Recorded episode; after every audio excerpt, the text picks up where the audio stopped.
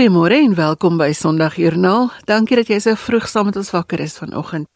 Ek is Lizanne Brein en ons gesels met mense oor geloof en sommer ook oor hoop en dankbaarheid en alles wat positiewe inspirasie by jou kan los vandag. Dis amptelik lente en alhoewel ons nou nog koud kry, is daar bloeisels oral. My gaste vanoggend is Dr. Chris Malan van Kleinmond en ons gesels oor sy gesondwordpad na COVID. Demi Willem Pretorius van Rissenburg vertel van hulle gemeente se bediening wat deesdae anders lyk. Professor Ignatius Gous sluit ons kykie na die verlede, die hede en die toekoms af en Annelies Kempen van Servamus gesels met ons oor dankbaarheid. 'n Volprogram met stories wat fokus op vertroue en verandering. Daar's ook plek vir jou stem. Jy kan vir ons SMS by 45889. Dit kos jou R1.50 per SMS en jy kan ook saamgesels op Facebook by Sondagjoernaal se blad. As jy DStv het, kan jy na ons luister op audiokanaal 813 en jy kan ons ook kry op die internet by rsg.co.za.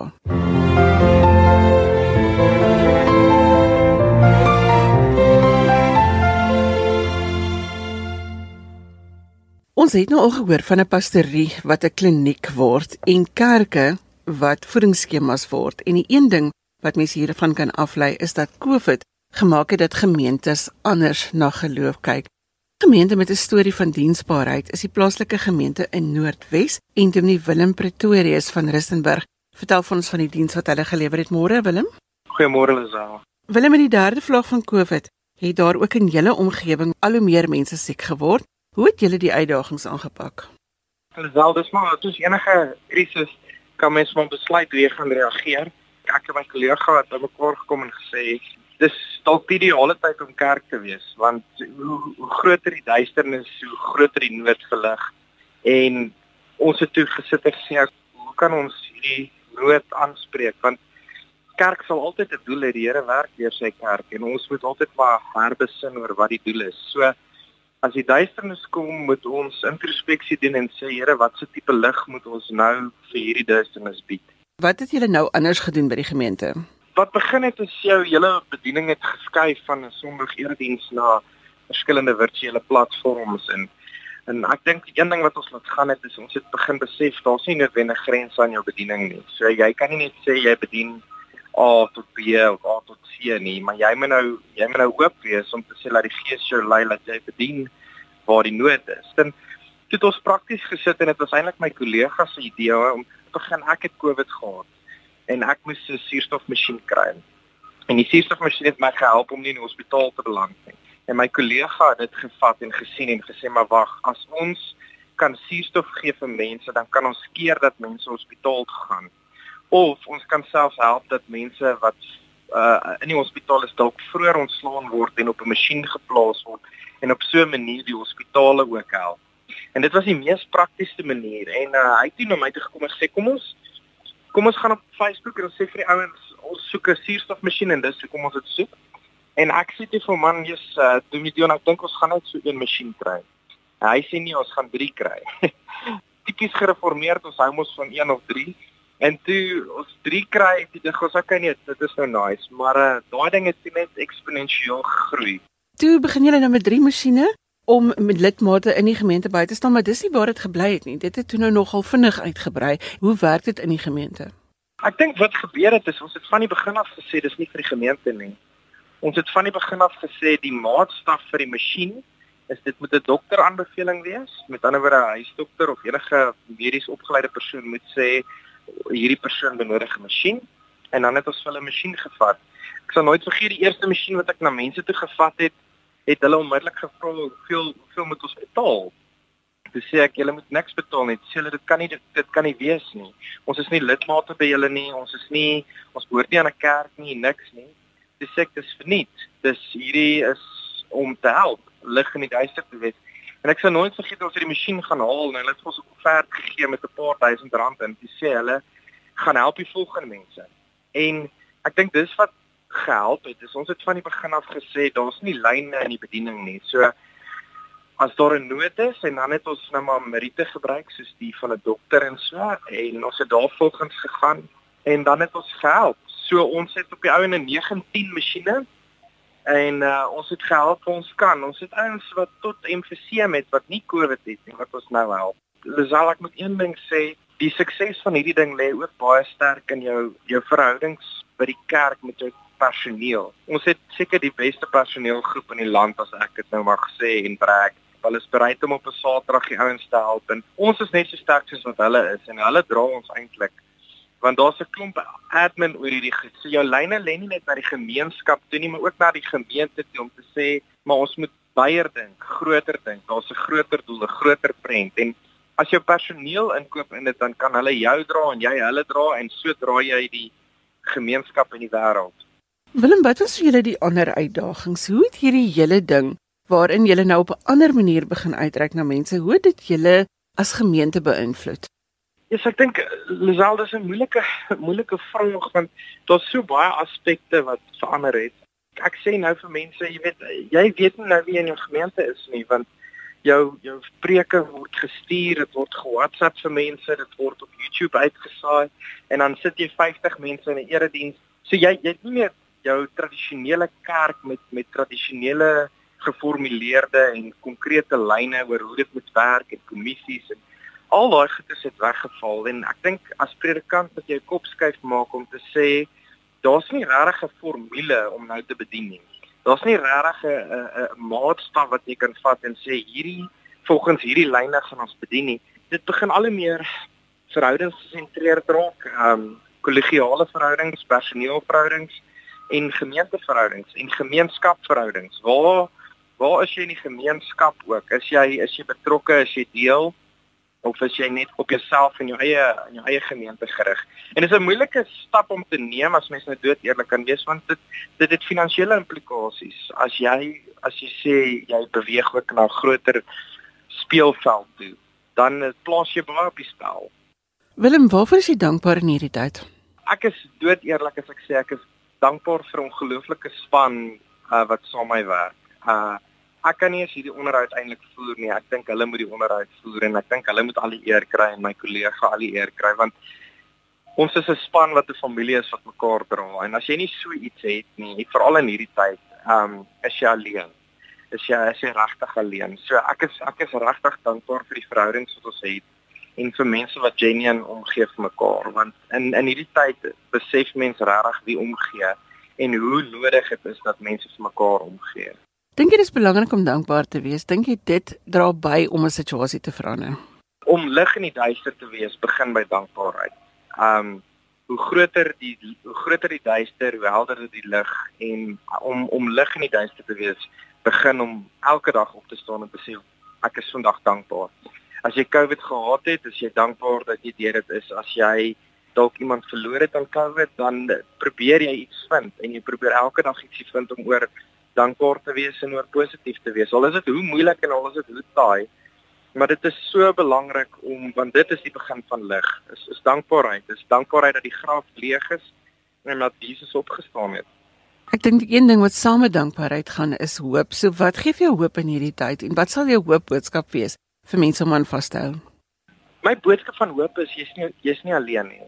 Jy al voel jy alleen. Al voel jy mense sterf alleen in ICU en sterf dalk alleen en familielede kan dit nie kan dit nie sien nie. Ek was hierdie week of laasweek by 'n afsterwe van 'n goeie vriend van my en wat my hoop gegee het was dat dit was in 'n staatshospitaal en dat susters van oor die grense van kleer en goed vir ons dit moontlik gemaak het om die persoon te groet, in te gaan en en te kan bid saam en hulle bid saam en dit gee my hoop. Dit gee my hoop om te besef dat jy veg nie hierdie geveg alleen nie. Jy is nie alleen in hierdie wêreld nie. Jy is nie alleen besig om COVID te veg nie, maar hier's 'n klomp mense en 'n klomp gelowiges oor grense, oor taal, oor alles besig om saam met jou te bid en saam met jou te veg.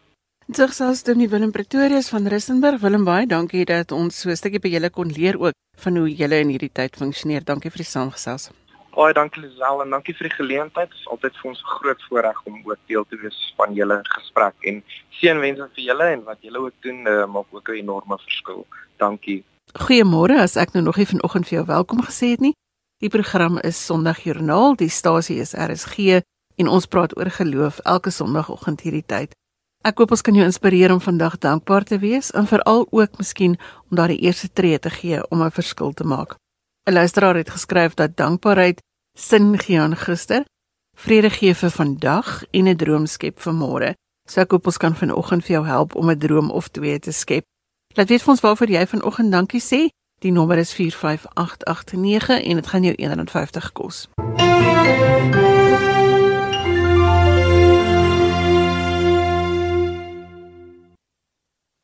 Dimitris Malan is 55 jaar oud en hy is leraar van die NG gemeente op Kleinmond.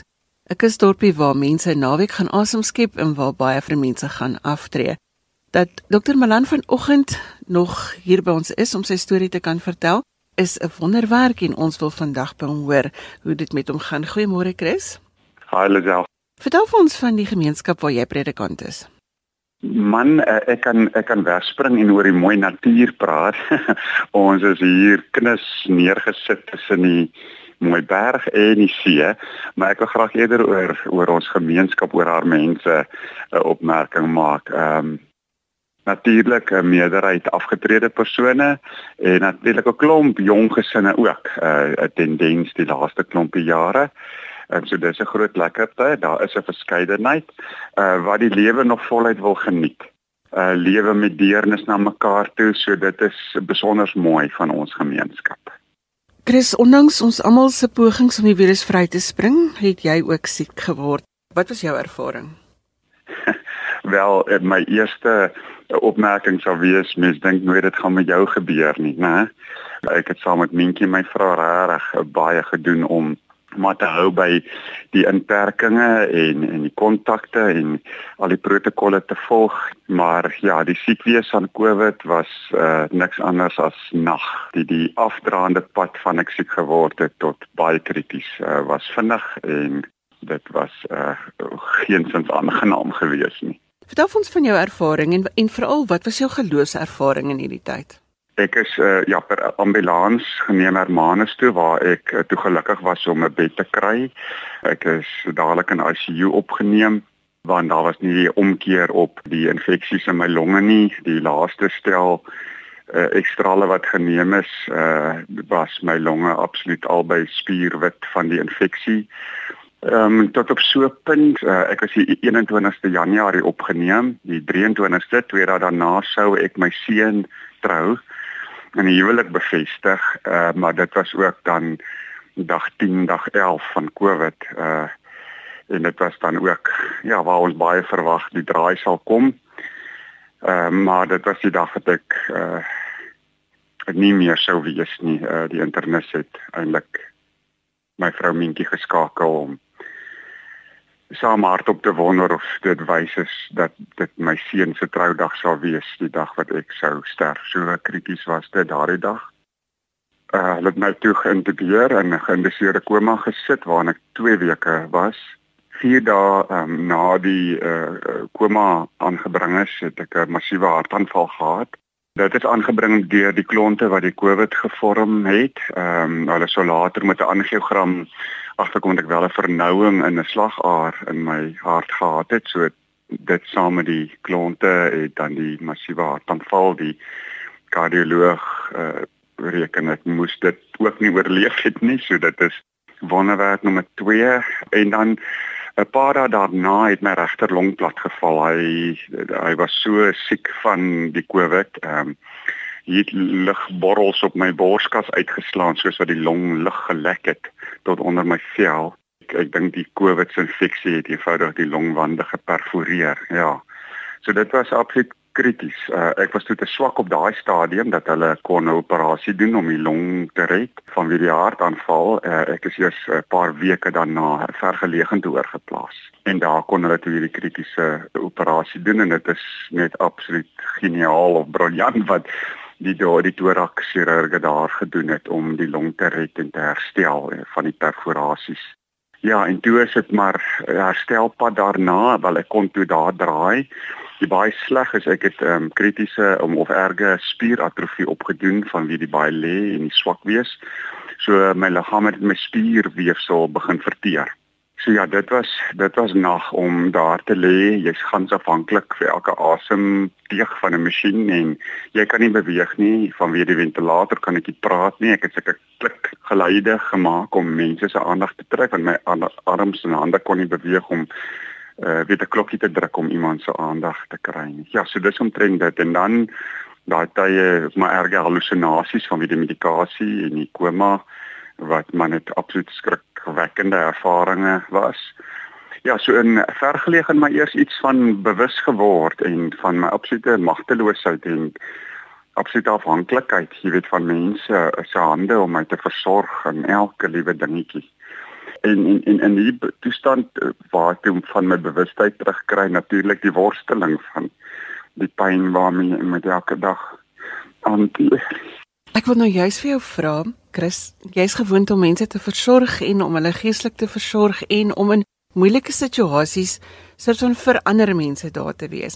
Maar wat het vir jou in in jou gedagtes terwyl jy nou daar lê? Wat gebeur met jou geloof? Waaraan hou jy vas? Waar waarmee is jou kop besig? ja, ja, wel, ek dis sekerlik maar twee kante en is twee botsende kante aan die een kant toe ek wel nou bewustheid begin kry en bewus word van my absolute magtelose posisie en ehm um, en en en die uitdagings en en die pyn wat daarmee saamgaan uh, want uh, met die hoeveelheid pype dreineringspype in my longe was elke stukkie beweging absoluut net dryf jy tot trane en seer. So ja, so dit was maar net dit was 'n baie moedelose situasie. Natuurlik is daar klomp ure wat jy pynvry is en so aan. Elke 2 ure monitor hulle jou pyn en medikasie daar rondom so jy kon oorleef. Bad sessies oorleef en eh, terapie sessies oorleef ja.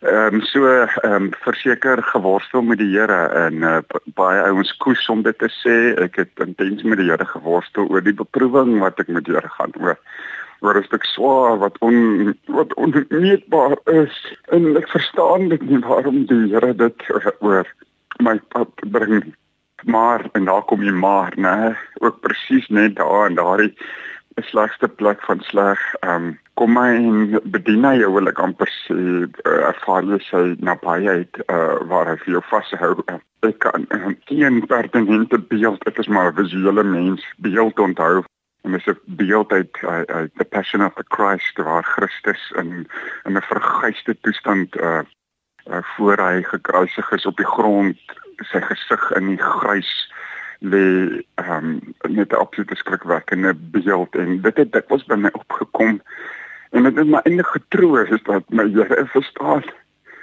My Here verstaan swaarke verdraai. Hy verstaan en um, hierdie uitmergelende lyding natuurlik nie dat myne kan opweeg teenoor syne nie. Uh, en die ander is natuurlik um, uh, gebede van van soveel soveel soveel mense en gelowiges in die hele gemeente. Hulle het saamgetrek op die parkeerterrein uh, langs ons huis by die kerk, hulle het gebedsklippies kom pak by ons voordeur. Hulle het deurgery na werk en by die ICU se vensters kom dit vir my as ek binne lê. So ja, ek het eintlik so prentjie gehad van God se hand oor my lewe om net 'n paar keer my lewe gered het en die hand was opgemaak uit piksels en die piksels elke piksel is 'n gebed van 'n gelowige sodat hulle ingryp God se ingryp was om my lewe te spaar. Maar die Here vir my kom troos gee in uh, in in die leiding en die verstaan van die beproewing deur 'n deur woord wat hy vir 'n vriend gegee het en dit is dat hierdie is Chris journey maar ek kous aan vas en sy werk is nog nie klaar nie en daai eerste sin van ehm um, dit is 'n journey dit net besef maar hier is nie uh, asprusheid hier is nie 'n uh, 'n uh, 'n uh, uh, glips nie wat my gebeur dat die Here vir 'n oomblik weggekyk het nie hy het dit geplan uh, oor my lewe en daarom kom daar net seëning en blessing uit. Uh dat soveel rondom my bed gebeur. Um en soveel ook daarna dat ek nie die Here kan kan loof daarvoor. In hierdie hele proses, as jy nou terugkyk, waarvoor is jy dankbaar? Uh, ek is dankbaar vir vir dit wat die Here toe daar uit bewerk het. Um ek het besef dat broosheid is nie swakheid nie. Ek het so besef dat um om 'n geloofsgemeenskap rondom jou te hê en jou gesin is deel daarvan. Daar's niks mooier as dit 'n gemeenskap wat rondom jou laar trek en vir jou en jou gesin vashou en hulle gebede en hulle versorging. Ek ek het ure se gesels daaroor. Ehm um, ek is dankbaar uh, tans vir elke stukkie wat ek kan beweeg om te gaan vorder van ek kan met 'n enkele hand optel na my arms begin beweeg. My voete kan nog nie lekker beweeg nie. My voete en bene is nog dood. Ek beweeg moeilik en sloppy. maar ek kan, ek kan van punt A tot B kom. Ek ek ek moet my motor verkoop om eh, van 'n handrat by outomaties te kom, so ek kan nou bestuur en ek het net een voet nodig daarvoor. So ek is so dankbaar ek ek, ek kan my eie funksies uitvoer. Ehm um, ek kon begin werk. Dit is heerlik om terug te wees in my werk. So ja, ek is dankbaar vir ons het baie. Christine, as ek mag vra, wat gee vir jou hoop? Wat gee vir my hoop is dat mense ehm um, saam met jou kan huil en dat mense saam met jou die klein dingetjies opnuut kan geniet ehm um, sodat 'n nuwe ja, absoluut net dankbaarheid het gekom. En mense se uitreik en betrokkenheid. Ek voorwaar daar was engele rondom my bed en versorgingspersoneel en en dit wat hulle deurgaan in daardie COVID sale en beleef uh, mense wat afsterf, mense wat swaar kry, mense uh, wie se geliefdes nie by hulle kan uitkom nie hoe hulle my versorg het, het my elke moment hoop gegee um, om saam met 'n fisioterapie te, terapie te droom en te werk om net stukkies van my lyf weer mobiel te kry. Dit gee alles hoop dat die Here se woord daar is. Ek het graag voorheen vertel uh, dat ek sê Here, jy moet vir my woord gee waarin ek kan vashou en hy het gesê ek is 'n muur van vuur om jou en en ek het altyd vir vuur goed gebid ek het gebid teen pyn en en en om daardie momente deur te kom en en jy Here het gesê ek is 'n muur van vuur om jou en ek het gebid dat daar nie terugslaan verder in fiksie sal wees nie. Die Here het gesê ek is 'n muur van vuur om jou. Ehm um, toe die eerste mediese rekeninge begin kom en ek en angs en bekommernis daaroor en die Here het gesê ek is 'n muur van vuur rondom julle daarvoor en ek het dan ek was baie angstig oor die herstel en die rehabilitasie. Eh, ek is so bewus van wat ek nie kon doen nie. Ek was so bang dat terapeute van my goed van verwag en ek kan eenvoudig net nie my ledemate beweeg het nie.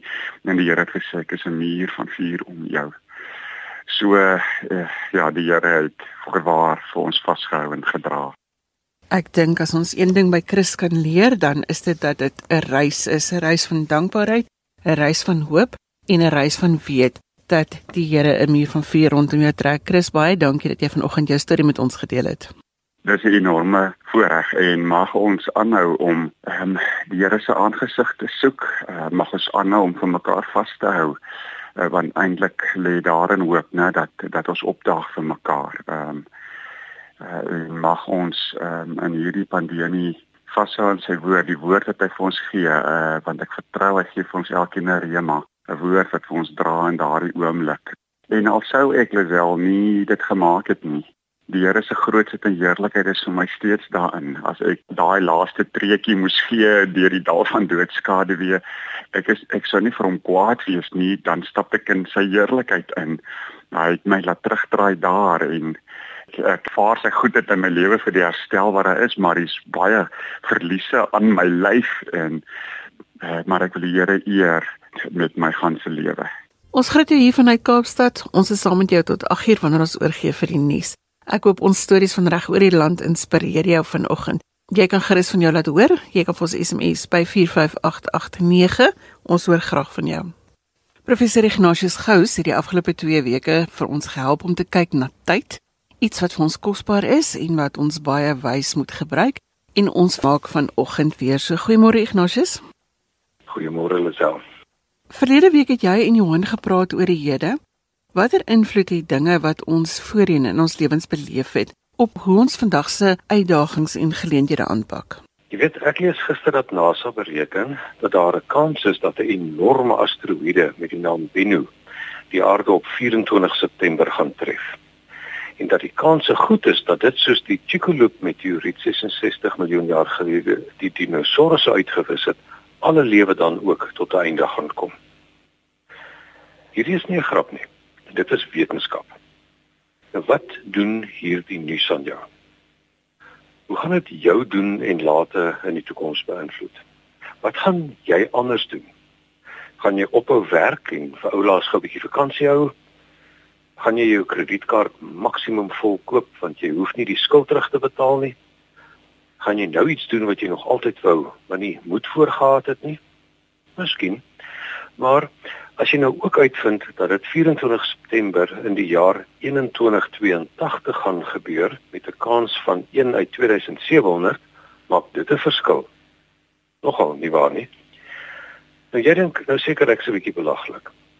Maar soos ek nou aangegaan het, is egter hoe baie mense die Bybel lees as dit oor die toekoms gaan. Die boek Openbaring is geskryf vir mense in lewensbedreigende bestaansnood as gevolg van vervolging onder keiser Nero na wie die getal 666 verwys. Ons weet dit want die Jode het die Hebreëse alfabetletters gebruik om getalle aan te dui. Die woord keiser Nero in Hebreëus tel dus op tot 666. Keiser Nero, soos die Grieke dit uitgespreek het, mis die laaste n wat 50 werd is. En daarom is daar ook tekste wat die merk van die dier as 616 aangee. As Openbaring dus geskryf is om vir ons vandag te voorspel wat met ons gaan gebeur, sou dit Christene wat in Nero se tyd in tuine as fakkels aan die brand gesteek is, getroos het. Dink 'n bietjie. Jy gaan vanaand brand, maar wees getroos In die jaar 2021 is daar 'n pandemie en die mense gaan woes beklei oor inentings. Maar hoe moet ons dan nou oor die toekoms dink? Hoe ons die toekoms sien. Dit is baie te doen met hoe ons brein oor vandag dink en wat ons vandag beleef. Mense wat navorsing doen oor hoe die brein oor die toekoms dink, bevestig dit. Volgens hulle verbeel en skep ons die toekoms. Die toekoms bestaan nog nie. En die idee wat ons daaroor het is dis 'n verwagte toekoms. Toekomskunde is ook nie die studie van die toekoms as sodanig nie, maar van mense se idees oor wat hulle dink die toekoms inhou. Die manier waarop ons die toekoms verbeel, is 'n ingewikkelde samewerking van 'n verskeidenheid vermoëns en faktore. Breingewys dink ons in episodes, soos 'n storie wat ons kreatief en plooibaar met emosie in ons koppe klaarskryf op grond van wat ons onthou van die verlede. 'n Navorsing 'n navorser met die naam van Ingvar noem dit memory of the future. Persoonlikheidsgewys hang dit af of 'n mens meer aandag gee aan die verlede en of 'n mens meer aan die ander kant 'n openheid vir die toekoms het wat gevoed word deur weetgierigheid en 'n behoefte aan uitdaging. Geloofsgewys gaan dit daaroor of mense meerendeel fokus op wat mense reg of verkeerd gedoen het in die verlede of wat ervaar is teenoor wat hulle verwag waarheen hulle lewe op pad heen is. Nou, hoe hierdie dinge op mekaar inspel, veroorsaak dat sommige mense 'n positiewe, mooi en opwindende toekoms verwag terwyl ander mense 'n bedreigende, moeilike en gevaarlike toekoms verwag. Die toekoms kan jou dus uitnooi om te leef omdat jy tot dusver goed reg gekom het. Of dit kan jou moedeloos maak omdat jy meer van dieselfde moeilikheid verwag. Party moedelose mense kan soms bo oor die slegte verwagtinge spring na 'n ideale verwagte toekoms waarop hulle so sterk fokus dat hulle van die hede wegvlug en juis nie die dinge doen wat hulle help om uitdagings vandag in die oë te kyk nie. 'n Ander navorser, Aspinwall wys dat mense wat positief en optimisties oor die toekoms dink, dinge vandag doen wat langtermynvoordele inhou, terwyl mense wat negatief en pessimisties oor die toekoms is, dinge vandag doen wat op korttermyn hier en nou fokus. Ons wil asseblief nie nog nuwe moeilikhede hê nie. Wat beteken al hierdie dinge vir ons prakties, Ignatius? Die lewe is soos 'n skaakspel, uh met 'n bord wat vol stukke staan. Nou of jy 'n uh, pion of 'n perd is, 'n koning of 'n koningin, jy kan nie net doen wat net jy wil en gaan net waarheen jy wil nie. Die werklikhede rondom ons het beperkings, soos wat ons sien met byvoorbeeld die pandemie wat ons beleef en die besluite wat deur die staat en ander mense geneem word. Nogtans is daar beweegruimte en is daar spasies beskikbaar wat jy kan beset. Ons moet dus 'n positiewe toekomsvisie vir onsself hê en ons moet werkbare planne maak. So 'n visie en sulke planne neem die verlede in ag. 'n Moeilike verlede is nie 'n vonnis dat dit altyd so sal gaan nie. 'n Moeilike verlede kan mens eintlik voorberei vir 'n beter toekoms indien 'n mens daaruit leer. Iemand het gesê vaardige matrose word nie op 'n kalm see opgelei nie. 'n Aangename verlede is aan die ander kant 'n aansporing en skep vertroue. Die toekoms is nie noodwendig 'n klip wat ons uit die bloue hemel gaan platval nie of 'n hemelse werklikheid wat rooskleurig op ons gaan neerdal nie. Die toekoms is iets wat ons moet gaan waarmaak. Ja, ek dink die vraag waarop almal 'n antwoord soek, is nou juis om daai ding, om daai droom te gaan waarmaak. Hoe maak 'n mens jou eie toekoms waar? Kry 'n plan. 'n Uitdagende plan, 'n langtermynplan, 'n plan wat jou gaan uitnooi om langtermyn te dink en te doen. Sorg dat daardie plan vir jou sin maak en vir jou betekenis gee. Of jy nou 16, 36, 66 of 86 is iets wat jou met energie gaan laat opstaan en wat jou bereid maak om dinge wat in jou pad staan en waarvan daar baie is te oorkom. Maak vrede met jou verlede. Leer daaruit. Kyk gebalanseerd daarna. sien die goed en die swaar raak, beide waarvan daar genoeg is. En doen dan nou elke dag die dinge wat nodig is om die droom waar te maak. Die Friedolines van ons program, waar pas geloof by al hierdie goed in? Geloof herinner 'n mens daaraan dat die toekoms 'n vee verhaal is. Nou luister mooi, nie 'n feetjie verhaal met 'n F nie, maar 'n vee verhaal met 'n klomp woorde wat met vee begin, soos vonnis en voorspel en verbeel en verantwoordelikheid. Die eerste is dat die verlede nie 'n vonnis is nie. Al het dit sleg of swaar gegaan, beteken dit nie dat dit altyd so sal gaan nie. Daar is altyd hoop. Ons geloof sê die beste lê altyd voor. Die tweede is dat jou toekoms nie vas voorspel is nie. Dit is nie iets wat vooraf bepaal is en maak wat jy wil gaan afspeel nie. Dit is hoekom die derde punt is dat jy self jou toekoms moet verbeel. So maak kreatiewe en inspirerende planne, maar nie om uh van die hede weg te vlug nie, maar juis om die hede te kan behartig. En die vierde en laaste deel van hierdie vier verhaal is jy moet die verantwoordelikheid, die verantwoordelikheid neem om dit te verwerklik. Doen jou deel. So geloofs vier verhaal gaan dus oor die vonnis van die verlede, die voorspel van die toekoms, die verbeel daarvan en die verantwoordelikheid neem daarvoor. Jy het so 'n bietjie na Openbaring verwys. Watter boodskap kry ons uit Openbaring? Kan jy dit vir ons so kortliks saamvat? Openbaring voorspel nie die toekoms nie.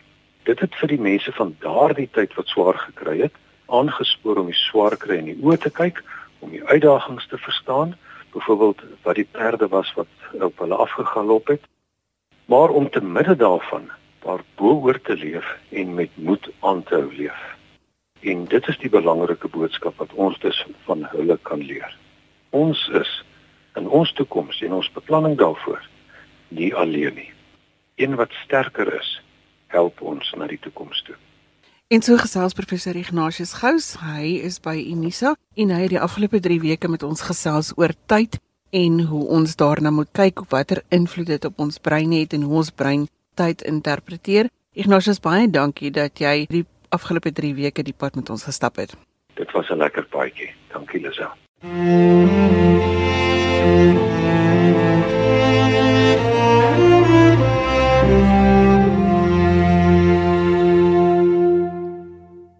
Annelies Kempen is die redakteur van Servamus, dis 'n gemeenskapsgebaseerde veiligheids- en sekuriteitstydskrif en ons gesels vanoggend oor veiligheid. Goeiemôre Annelies. Môre Lisel, lekker om met jou en al die luisteraars te praat. Dis belangrik om ten spyte van al die negatiewe dinge wat in die wêreld gebeur, spesifiek hier in Suid-Afrika, op die positiewe gefokus moet bly sonder om met oogklappe te loop. Is ek reg as ek hierdie stelling maak?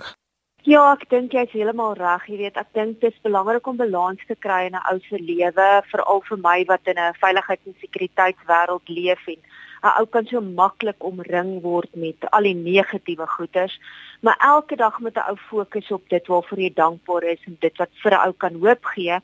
En ek is verskriklik bevoorreg, jy weet, ek is regtig geseën met soveel dinge in my lewe. Ek het 'n fantastiese man, Fani. Ek het in 'n liefdevolle huis groot geword met ouers wat die Here ken. Ek het 'n wonderlike familie en peetkinders, vriende en kollegas en Dan ek dink deesdae is een van die goeders wat ons almal opnuut weer voor dankbaar is natuurlik ons gesondheid. Jy weet, ek dink daar's nie 'n ou wat as hy gesond is deesdae nie sê dankie liewe Vader daarvoor nie, want ons weet hoeveel drama en ongeluk en hartseer daar in die lewe is vir die afgelope jare en 'n half al.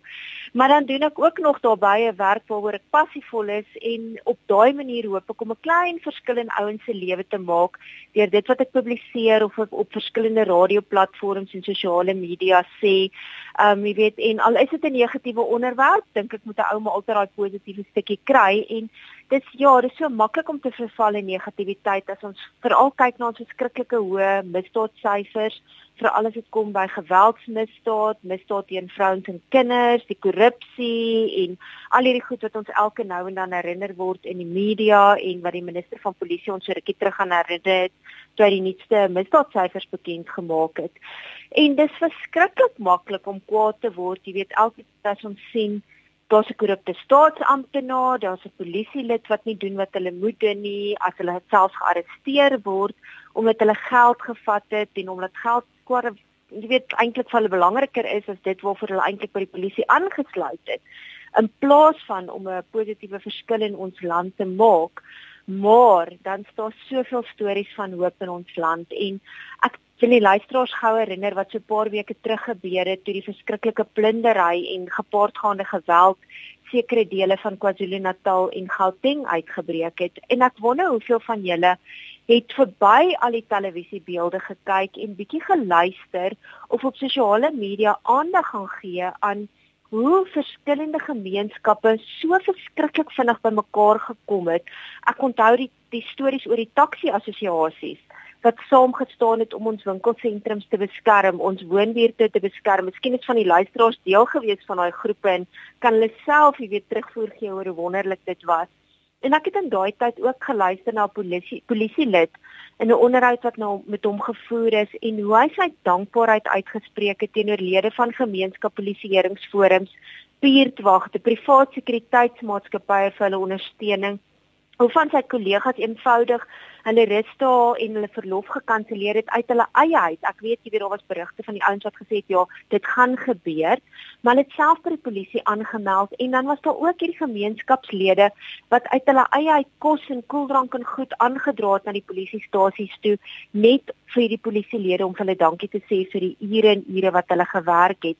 En dan die ander kant was natuurlik hoe gemeenskappe in ander dele van die land gereël het toe trokvragte vol kos en water en allerlei goederes na KwaZulu-Natal toe aangereis juis om te help met die nood in daai provinsies. En ek dink as dit nie rede is hoe Suid-Afrikaners kan saam staan ten spyte van plundering en al hierdie negatiewe goederes wat in ons land gebeur het in daai stadium nie. Maak nie saak wat ons agtergrond is nie, dan weet ek nie wat meer kan ons nog hoop gee nie. Kom ons gaan gou terug vir 'n oomblik na dit waarmee jy jou brood en botter verdien en dit is nou in die media en uh, die veiligheidsomgewing. Hoe gee dit vir jou hoop? Ja, ek dink as 'n mens daagliks soos ek met misdaad en skelmstreke en veral geweldsmisdaad gekonfronteer word, want jy lees daaroor, jy doen daaroor navorsing, jy hoor al hierdie mense se stories, dit is baie maklik om moed te verloor en selfs depressief te raak. Maar elke keer as ons 'n nuwe tydskrif beplan, is my fokus daar om nie net inligting te publiseer wat hooplik erns 'n vers positiewe verskil in ou se lewe kan maak nie, ten spyte van die feit dat dit 'n negatiewe onderwerp is nie, maar om ouens op te voed ten opsigte van hulle veiligheid en sekuriteit. En ons doen dit op soveel verskillende maniere deur ons tydskrif. Jy weet, performance beteken om te dien en dis altyd my agtergrond vir wanneer ek 'n tydskrif saamstel. Ons doen dit deur veiligheidswenke te publiseer, inligting met ons lesers te deel of selfs jy weet deesdae het ek ook die voordeel om dit op radioplatforms te kan doen alles wat ouens kan bemagtig oor nuwe slenters, oor misdaadtendense, maar ook om erkenning te gee aan ons polisielede, ons ondersoekbeamptes, ons sekuriteitsbeamptes wat hulle lewens opoffer om ons land te beveilig. Jy weet, daar's soveel toegewyde ouens wat alles in hulle vermoë doen om kriminele te identifiseer, hulle te arresteer en te sorg dat hulle suksesvol deur die hofproses gaan, sodat hierdie ouens uiteindelik nie verder mense se lewens kan vonnis nie. En as ek gaan kyk na al die suksesse wat daar is, veral ten opsigte van dit wat die valke doen, dit wat die gesinsgeweld, kinderbeskerming, seksuele misdrywe eenhede doen, dan gee dit my absoluut hoop oor hoeveel suksesvolle en toegewyde polisielede daar is ten spyte van wat die negatiewe wat in die media gepubliseer word of wat ons op sosiale media sien. En ek spot altyd om te sê ons tronke sou nie so vol gewees het as dit nie was vir hierdie wonderlike suksesvolle werk wat ons polisielede doen nie. En ek weet aan die ander kant is daar natuurlik nog hierdie uitdaging van hoe gaan ons hierdie ouens rehabiliteer dat as hulle vrygelaat word dat hulle dit nie weer doen nie. Maar ek dink jy weet uiteindelik moet ons fokus op die positiewe van die van daar is soveel suksese. Maar ons doel is nie vandag net om op die negatiewe te fokus nie, maar juis om te beklemtoon wat gee ons rede tot dankbaarheid en hoop ten al ten spyte van al die misdaad en gebrokenheid in ons land en in ons wêreld. En my man het hierdie sê ding wat sê as jy met dit wat jy het tevrede is, is dit 'n seëning. En ek wil graag afsluit met 'n storie wat ek op Facebook gelees, my so spesiaal met um jy weet hoe ons dankbaar kan wees en hoe groot God is en ek dink ons almal kan daarbey aanklank vind, maak nie saak of jy hoop verloor het en of jy nie altyd weet waarvoor jy moet dankbaar wees nie. En die storie is as volg: 'n Seun wou by sy pa weet hoe groot God is en sy pa sê te hom: "Hulle gaan die volgende dag bietjie Johannesburg toe ry en dan sal sy pa dit vir hom wys en so 30 km voor die stad te stop hulle op 'n hoogte en sy pa wys vir hom die strydom toring." En hy vra te vir sy seun: "Nou, Boetie, hoe groot dink jy is hierdie toring?" En hierdie seentjie het sy hang so gevat en hy wys dit so tussen sy duim en sy wysvingers en sy pappa is omtrent so 2 cm groot. En sy pappa los dit toe daar en hy sê te vir hom, "Oké, okay, kom ons ry nog verder." En hulle ry toe tot in die stad en tot teen aan hierdie toring en toe die seun teen hierdie toring staan, toe kyk hy met absolute verwondering na dit toe en sy pa sê te vir hom, "Nou, Boeta, hoe groot dink jy is nou hierdie toring? En hy sê te hom pa nee, hy kan nie nou vir hom wys hoe groot is dit nie want dit is heeltemal te groot vir hom op enige manier om vir hom te wys hoe groot is hierdie toring. En die pa sê te hom, my seun, dis hoe groot God is.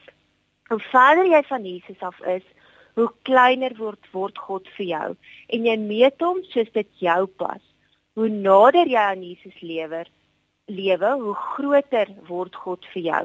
En dan meet jy hom nie meer nie, maar dan aanbid jy hom met verwondering. En ek dink hierdie storie bevestig net weer eens vir my hoe groot God se grootheid en genade en genade vir elkeen van ons op verskillende maniere is.